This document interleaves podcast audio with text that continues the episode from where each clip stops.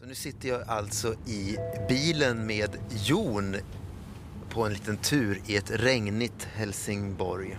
Ja, det drischar och brischar. Brischar, är det regn? Ja, det regnar. Brischepar är regn. En resandes guide till Romani. En podcast från Frans Wagner-sällskapet. Hej och välkommen till podden En resandes guide till Romani där Jon Pettersson och jag, Robin Tinglöf, pratar om Romani. Enligt Svenska Akademins ordbok betyder ordet tradition bland annat tro eller uppfattning som överförs från generation till generation. En tradition kan handla om till exempel seder och normer eller andra kulturella uttryck som förs vidare med hjälp av språket. När ett språk dör försvinner också mycket av det som är specifikt för ett folk och Jon brukar säga att varje språk har sin egen själ. Svensk romani, alltså den varietet som talats i Sverige av de resande i många hundratals år, är utrotningshotad och åtgärder behöver sättas in för att hålla språket levande. I det här avsnittet ska vi prata om revitalisering av svensk romani. Jon, du har sagt att svensk romani behöver revitaliseras. Och jag funderade över det ordet och vad det betyder. Kan du förklara för mig? Ja, det kan jag väl... Eh, kort och gott så är det att det behöver... Alltså något som är vitalt, det är ju levnadskraftigt. Och är det inte vitalt så behöver man väl ge det en lite injektion av liv. Alltså åter återlivade, återuppliva eller kanske inte uppliva men ge kraft till det igen. Va? Ja. Och eh, som jag har sett under de sista åren så det, det är många som gärna vill tala romani. Mm. Och vill lära sig mer av romani. Och då talar jag svensk romani framförallt. Men det finns väldigt lite material där man kan ta till sig av det. Mm. Jag har också sett eh, diskussioner på Facebook bland annat. Och sådär, där man diskuterar vad olika ord betyder. Och det kan ju skilja sig. Om jag uppfattar att skånjer,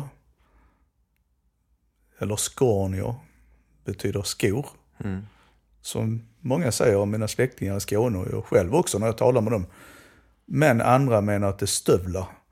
Så har vi ju båda rätt. Mm. För att när jag talar med mina släktingar, om jag inte skulle säga skånier så hade de kanske inte förstått mig. Men när jag talar med någon annan och han, eller hon, säger skånier för stövlar så förstår jag det också. Mm. Och i revitalisering så behöver man liksom skapa några material där man kan liksom ta till sig sådana här kunskap och förståelse.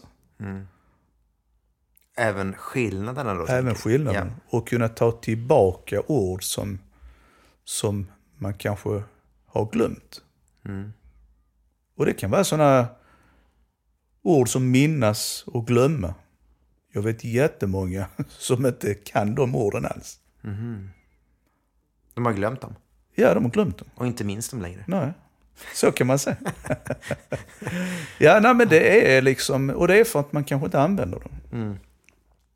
Men de använder istället, har väldigt starka ord, vissa som de har kvar, som de använder ofta. Men hur skulle du, om man tänker rent praktiskt, hur skulle det kunna gå till? Hur, vilka scenarier skulle man kunna tänka sig? Vad skulle man kunna göra? Framförallt måste det finnas en vilja hos folk att själva liksom berika sitt språk, i sitt språk, utveckla sitt språk och sådär. Va? Och faktiskt komma till insikt med att det jag kan kanske inte är tillräckligt för att jag ska kunna tala med andra. Och att man då liksom kan göra olika former av satsningar. Det kan vara tv, radioprogram, sådana här poddar som nu den vi gör. Det kan vara att man träffas och pratar. Man kan ha studiecirklar och workshops och massa olika. Och det finns ju ingen patentlösning som kan fixa det för alla. Utan för en person kanske det räcker med att, eller lämpligast, att den får läsa någonting, Mm. lite texter. En annan kanske vill lyssna på musik, Mm. där man sjunger på romani. Och där man kanske har en pamflett sidan om eller någonting som där texten framgår med kanske översättningen och en liten vokabulär. Mm. Så att, men oavsett vilket så behöver man göra olika former av sådana här insatser så att det kan bli mottagligt och tillgängligt för folk. Och gärna på ett enkelt och gratis sätt framförallt. Ja, ja. Det här med sånger och musik ligger ju ganska nära eh, mig. Ja, Så det skulle ju faktiskt vara en liten rolig utmaning. Att, att eh, lära sig lite eh, svenska romani, svensk romani-sånger. ja. Och kanske producera nyproducerad musik Ja, med lite romanitexter. ja. ja, men verkligen. Det hade ju varit väldigt spännande. Det, det, det skriver jag upp här eh, på min lilla att göra-lista. Då får vi det i nästa episod. Får vi en ny skriven sång av Robin Tinglöf, text av Jon Pettersson. Här låg såna här kåkar. Hela den här gatan. Den här heter Torpgatan. Mm. Och här bodde min morfar från 1925. Det är alltså vita små hus, putsade hus va? Med blåa dörrar, i alla fall det ena där, och blått runt fönstren. Ser väldigt skånskt ut. Ja, det gör mycket. Så det låg så hela vägen här och det var många då, då hade de stall och sånt bakom husen för de hade ju hästar. Mm. Så min morfars eh, då, farmor, eller egentligen, det var hans fosterfars mor eh, och familjen för att han kom från, hans far var från en annan resande egentligen utåt. Men eh, han kom ner här då och så bodde med sin mor och sin styvfar och sina syskon och så.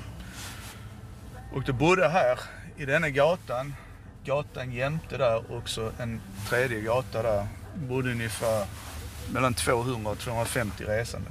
Mm. Som alla hade liksom någon form av släktskap till varandra. Okej. Och det är klart, då blev det ju en gemenskap här, kan jag tänka mig, Ja. i det här området. Och det Med... var inte bara en gemenskap med de resande för att det var faktiskt andra också som var liksom vanliga etniska svenskar. Mm. Som var, och detta var en fattig stadsdel, det var arbetarklassmänniskor som bodde här och så. Och de, eh, de delade på typ allt de hade. De hjälpte varandra väldigt mycket. I'll be back. Bevingade filmcitat på svensk romani. Ett av de kanske allra största filmcitaten genom tiderna är nog när Arnold Schwarzenegger i filmen The Terminator från 1984 säger med bister uppsyn “I'll be back”. Och eh, såklart så kollade jag ju med Jon hur det här skulle låta på svensk romani. Tack för det. Ja, man kan säga det på flera olika sätt, men eh, med Ava Topal. Nova Topal. Med Avar Topal. Aha. Me avar topal. Me avar topal. Och där har vi me, det är jag. Avar Kommer kommer. Topal tillbaka. tillbaka. Topal. Eh, man kan också säga Mander Ava Pali. Oj, lite långsammare. Mander Ava Pali. Mander ava pali. Ja. Eller Mander Ava Topal. Man... en gång till. Mander Ava Topal. Mander ava topal. Ja. Okej. Tack. Idag ser jag att många vill, eller säger att de behöver revitalisera sina språk. Och det, utifrån som jag ser det så är det ju väl kanske inte språken i sig som behöver kanske revitaliseras alla gånger. Utan snarare vitaliseras. Alltså man behöver inte liksom återta eller återskapa en massa saker i språket. Utan man måste bara liksom se till att fler talar språket. Ja. Och där är liksom en skillnad. Ja. Och jag har ju också förstått att, att det kan vara lite knepigt det där just med svensk romani då. I och med att folk kanske inte vill prata det öppet och, och att... eh, Men, men om man skulle på något sätt få åtminstone de resande att prata med varandra då kanske, eller jag vet inte hur man ska... Det kanske ni gör. Ja, men det, det är ju alltid en bra början om Ja. resande själva pratar med varandra. Ja. Jo, men så absolut är det. Men sen framförallt så är det ju så också att vi har ju släktingar, oftast nära släktingar, många av oss, som bor på andra sidan gränsen i Norge, norska resande. Som eh, i grund och botten har samma språk. Man uttalar det kanske lite annorlunda mellan Sverige och Norge. Och vissa ord kanske får en liten annorlunda betydning. Som till exempel har jag hört att de sjunger Roman och Racklo i en sång. Som alltid blir för mig väldigt sådär... Eh, eh, jag förstår att de sjunger så, men Racklo betyder alltså pojke som inte är resande. Och Romano betyder det att han är resande. Jaha, det, Så det är som ungefär som, det blir motsättningsfullt. Så Ja. det är som liksom att prata om varm is. ja, just det. Ja, det, det Eller kall eld. Men vad menar de då? De menar en... De visar, menar en resande pojke. Okej. Och låten går Romano Kamma Romani tjej. Alltså en Romano.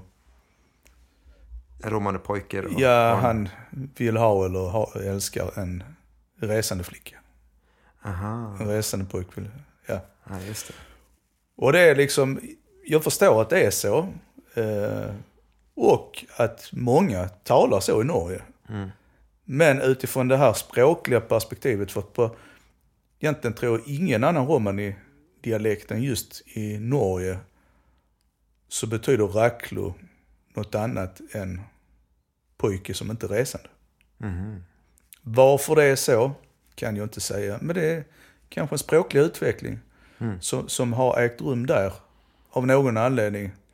Och som har blivit liksom det allmänna Mm. hos dem. Mm. Eh, och jag menar inte att man ska liksom gå in och ändra på språket. Men att kanske skapa förståelse för att, att man talar så där, men kanske inte i Sverige eller någon annanstans. Ja. Det är ett viktigt led i revitaliseringsprocessen. Och om vi då egentligen kan istället försöka hitta vägar till att ena vårt språk i Norge och Sverige och få det till det gemensamma och mer enhetliga språk som det en gång var. Så får vi nog större möjligheter för att kunna bevara och främja språket liksom i framtiden. Ja. Så att det ska finnas kvar. Ja. Det tror jag också. För det Och- handlar ju om hur många som talar det och vilken åldersgrupp det är på talarna och så vidare. Ja. Och också att, att, att det blir en naturlig del i era liv att prata det så här. Då blir det också naturligt att lära det vidare och det blir som en, en, ingenting man behöver liksom anstränga sig för att använda liksom på ett sätt, utan det blir naturligt. Ja visst, precis så är det. Som med allt språk. Ja, Det, det, det är ju kommunikation. Och det ska vara praktiskt. ja men det finns också en annan sak för att det finns, eh, där finns liksom känslor och kultur och idéer och en del av identiteten i också. Så Ja, det handlar inte bara om kommunikation och eh, liksom det praktiska och det Nej. logiska. Och det är liksom den, vissa saker känns kanske bättre att tala om på romani. Mm. Och vissa känns bättre att tala om på svenska. Har du några sådana exempel? Vad som skulle vara... Det, det var kanske... Jag har kanske många exempel, Ja. men alla kanske inte eh, lämpar sig att yppa. Jag får så här pipljud. Pip, pip, pip, pip, pip, pip, pip.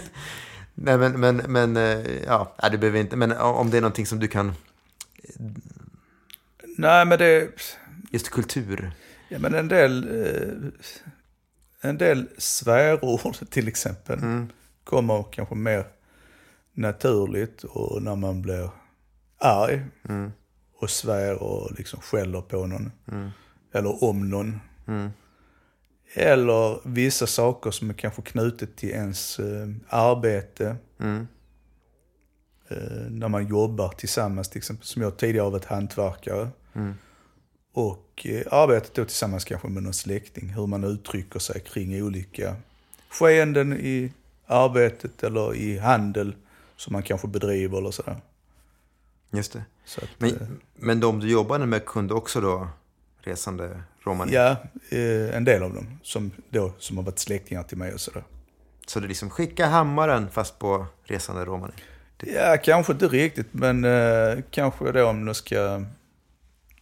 Ja, vissa saker man ska göra i jobbet. Och jag tänker att vissa saker på vissa språk går ju nästan inte att översätta heller. För att det in, innehåller känslor eller liksom saker som... Det, det går liksom inte riktigt att... Alla språk har saker som inte går att översätta till andra språk. Mm.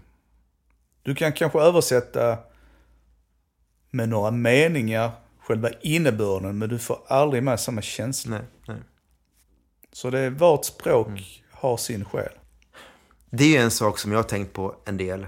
Att ehm, då, eftersom min mamma då blev bortlämnad eh, och mormor och morfar eh, kunde prata mm, både alltså, svensk romani och eh, det här sintoråtvärs tydligen då, enligt vad jag har läst. Eh, cirkus, cirkusromanin. Och, och att, eh, som, ja, det är någon variant där. Men att, att det också... Eh, ja, min mamma kan ju inte naturligtvis prata språket och inte vi heller då, eller mina bröder och jag. Att det är någonting som är taget från oss på ett sätt. Också den här känslan för kulturen då det vi pratar om, att, att det är, det är liksom... Ja, språket är viktigt för kulturen. Och att när man bröt det så försvann det på något sätt liksom. Absolut. Och det kan jag ju nu känna lite så... Ja, någon slags sorg över att det blev så liksom. För det hade ju varit ro, roligt om inte annat att eh, förstå det här. Jo visst, Ja. och det, det är en sån sak. Och, och vissa saker kan man... Min morbror spelade tillsammans med honom och det var... Så att där har man tillbringat, tillbringat väldigt mycket tid. Väldigt mycket De här kvarteren här är liksom... Det är här som du har din... Så här, the hood. the hood, dina Ja. hoods. Din vagga liksom på något sätt. Ja, det här det kan man säga. ja.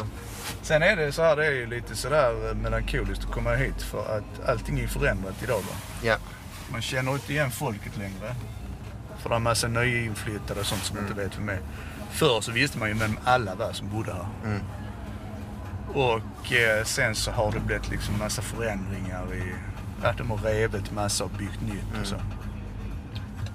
Men de, de resande då som bodde här i kvarteret, är de liksom utspridda över landet nu då eller? Nej, men många över stan Mm.